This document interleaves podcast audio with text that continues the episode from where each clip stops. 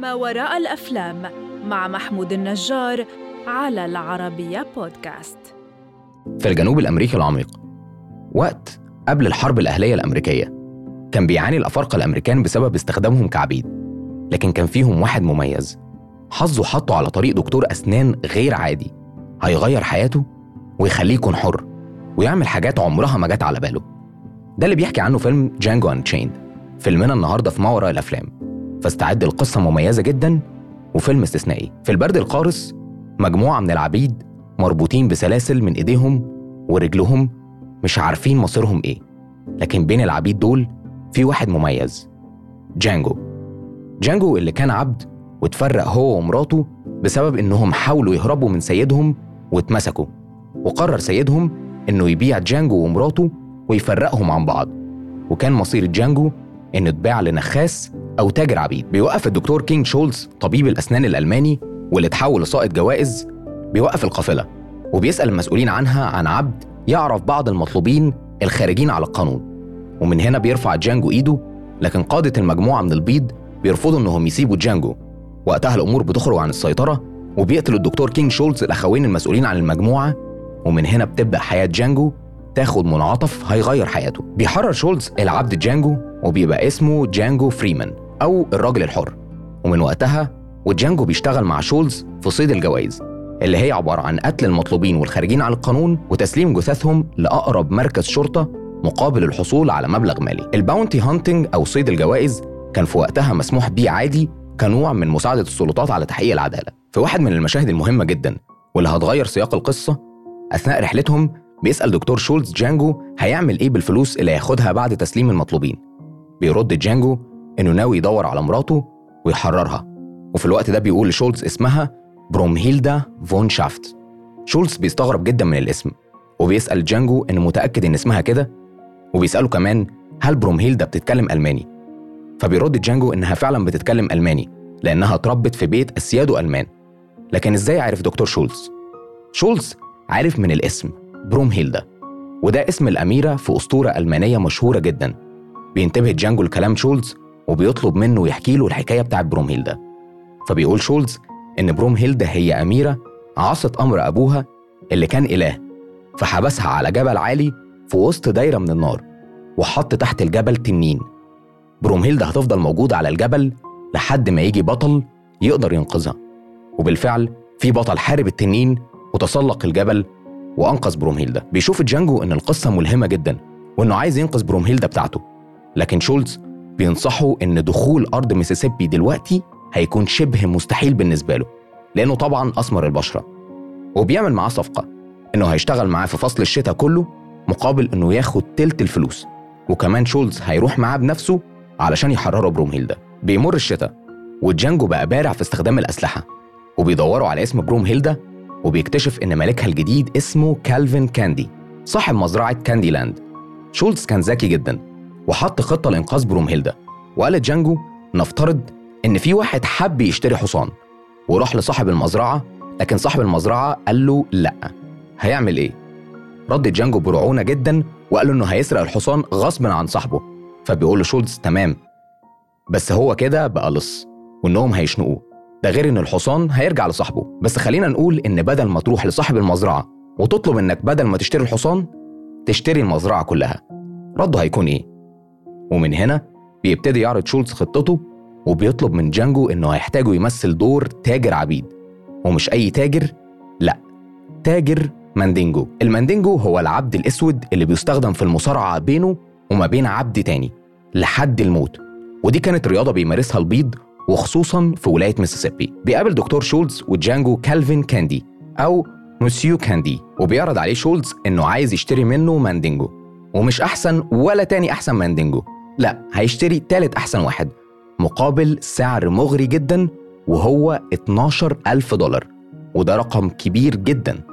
بيرحب كاندي بالعرض وبيعزمهم عنده في المزرعة. أثناء الرحلة للمزرعة جانجو بيكون بيتعامل كرجل حر مش كعبد رغم سمار بشرته. وده اللي خلى مسيو كاندي يكون مهتم جدا يعرف قصته وبيخلي كل رجالة كاندي متضايقة جدا من وجوده ومن شخصيته المتعجرفة اللي بيمثلها. بيوصلوا لكاندي لاند وأول ما بيوصلوا بيقابلوا ستيفن وده العبد اللي كان ماسك شؤون البيت ومزرعة كاندي لاند كلها. وأول ما بيشوف جانجو على الحصان بيقول مين الزنجي اللي على الحصان ده؟ لكن بيقول له كاندي إنه راجل حر ولازم يتعامل كراجل حر. بعد ما بيستقر شولتز وجانجو في كاندي لاند بيقول إنه سمع إن في بنت عنده من الخدم بتتكلم ألماني وإنه وحشه كلامه بلغته الأصلية فبيبعتوا له برومهيلدا لأوضة شولتز وبيقول لها إنه محضر لها مفاجأة وبيطلع من الأوضة جانجو وأول ما بتشوفه برومهيلدا بيغمى عليها. الأمور كانت ماشية كويس جدا لحد العشاء اللي هيغير كل حاجة. ستيفن كبير الخدم كان ذكي جدا ولاحظ النظرات اللي ما بين جانجو وما بين برومهيلدا ومن هنا حس بحاجة غريبة. بدأ شولتز إنه يعرض إنه عايز الماندينجو وهيدفع فيه 12 ألف دولار. وكمان هيحتاج برومهيلدا في الصفقة لكن قبل ما يتمم الصفقة محتاج يرجع للمحاسب بتاعه علشان هو اللي يخلص صفقة الماندينجو. لكن بما إنه هو في كاندي لاند فهو حابب إنه يشتري برومهيلدا دلوقتي وهيدفع فيها 300 دولار. وقبل ما يوافق مسيو كاندي على الصفقة بيقاطع الكلام ستيفن وبيقول له إنه محتاجه في شيء ضروري جدا في المطبخ وبياخد كاندي.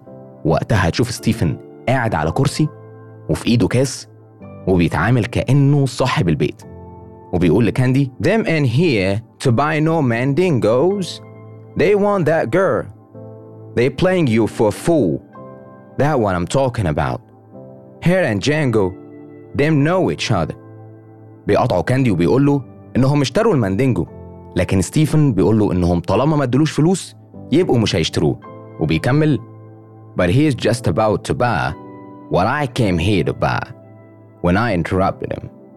Thank you, Stephen. You're welcome, Calvin. وبيكمل كلامه إن لو كان قالك إنه عايز يشتري البنت ما كنتش هتبص أصلا للعرض لكن ال 12 ألف دولار هي اللي خلتك كريم قوي معاهم بيرجع كاندي لمائدة العشاء لكن المرة دي كان ماسك صندوق فيه جمجمة وابتدى يقول لهم إن دي جمجمة واحد كان شغال عبد عندهم اسمه بن كان بيخدمهم وخاصة كان بيخدم أبوه وجده وطول سنين خدمته اللي تعدت 50 سنة كان بيمسك شفرة الحلاقة علشان يحلق لأبوه. وولا مرة قرر إنه يقتل حد منهم. وإن علم التشريح بيقول إن في جمجمة الزنوج في نتوءات موجودة في المنطقة الخاصة بالإخضاع وإن لو كسر دماغ جانجو حالا هيشوف نفس النتوءات في نفس المكان. وبيبدأ كاندي يثور وبيكشف خطتهم وبيقول دكتور شولتز In Greenville you said that for the right end you would be willing to pay what some may consider is a ridiculous amount to which me myself said what is your definition of ridiculous to which you said $12,000 now considering you all have ridden a whole lot of miles went to a whole lot of trouble to purchase this lovely lady right here it appears that Broomhilda is in fact the right inn. And if you all want to leave Candyland with Broomhilda, the price is $12,000. بيقول إن واضح إن برومهيلدا اللي انتوا جايين علشان تشتروها وعلشان كده سعرها هيكون 12000 وبيرد شولز وبيقول له إن هل العرض ده تيكت اور ليف ات فبيقول كاندي Yes, yes doctor. You see, under the laws of Chickasaw County, Broomhilda here is my property, And I can choose to do with my property whatever I so desire. بيقول إن تحت قوانين Chickasaw County برومهيلدا هي من ممتلكاته وإنه يقدر يعمل في برومهيلدا اللي هو عايزه. وبيمسك المطرقة وبيهدد دكتور شولز إنه هيكسر دماغ برومهيلدا لأنها زي ما قلنا من ممتلكاته. وقتها بيدفع شولز ال 12000 مقابل برومهيلدا. وبيختم كاندي كلامه بعد ما بيخبط على المطرقة ووقتها بيدفع شولز 12000 مقابل برومهيلدا وبيختم كاندي كلامه بعد ما بيخبط بالمطرقة على الترابيزة على طريقة المزاد وبيقول sold to the man with the exceptional beard and his unexceptional N برومهيلدا اتباعت للراجل صاحب اللحية المميزة والزنجي الغير مميز. لكن بعد العشاء المخيف ده الأمور بتتغير تماما. هيكون أحسن لو تشوفها بنفسك. فيلم Django Unchained أو تحرير جانجو واحد من أعظم وأهم أفلام المخرج كوينتين تارانتينو. الفيلم من كتابة كوينتين تارانتينو نفسه واتعرض سنة 2012 الفيلم من بطولة جيمي فوكس في دور جانجو كريستوف فالتز في دور دكتور كينج شولز وليوناردو دي كابريو في دور كالفين كاندي بالإضافة لسامويل إل جاكسون في دور ستيفن. الفيلم ما تقدرش تقول إن بطله واحد لأن تارانتينو كان عبقري جدا في إنه بيدي مساحة لكل الأبطال في وقت معين يطلعوا فيه كل اللي عندهم بدون تدخل كبير من الشخصيات التانية. وبنشوف ده جدا مع ظهور كريستوف فالتز في الأول بعد كده مع ظهور ليوناردو دي كابريو في مشاهد المزرعة والعشاء في كاندي لاند وفي الآخر مع جيمي فوكس في آخر الفيلم. ليوناردو دي كابريو أثناء تصوير المشهد العشاء انفعل وجرح إيده لما كسر الكاس اللي كان على الترابيزة لكنه موقفش تصوير وفضل مكمل علشان يدي المشهد إحساس الرهبة والتوتر. الفيلم ترشح لخمس جوائز أوسكار فاز باتنين منهم أفضل سيناريو وأفضل ممثل مساعد لكريستوف فالتز غير أكتر من 50 جايزة تانيين. بالتأكيد فيلم Django Unchained من الأفلام الممتعة كعادة أفلام تارانتينو واللي طول ما أنت بتشوفه هتكون على طرف الكرسي بتاعك ومستمتع بالتمثيل والحوار اللي داير ما بين الشخصيات وبعضها. لو لسه ما شفتش الفيلم شوفه دلوقتي وشاركني شفته من أي منظور. واستناني الحلقة اللي جاية. أنا محمود النجار علشان نشوف فيلم جديد بمنظور جديد. منظور ما وراء الأفلام المقدم من العربية بودكاست.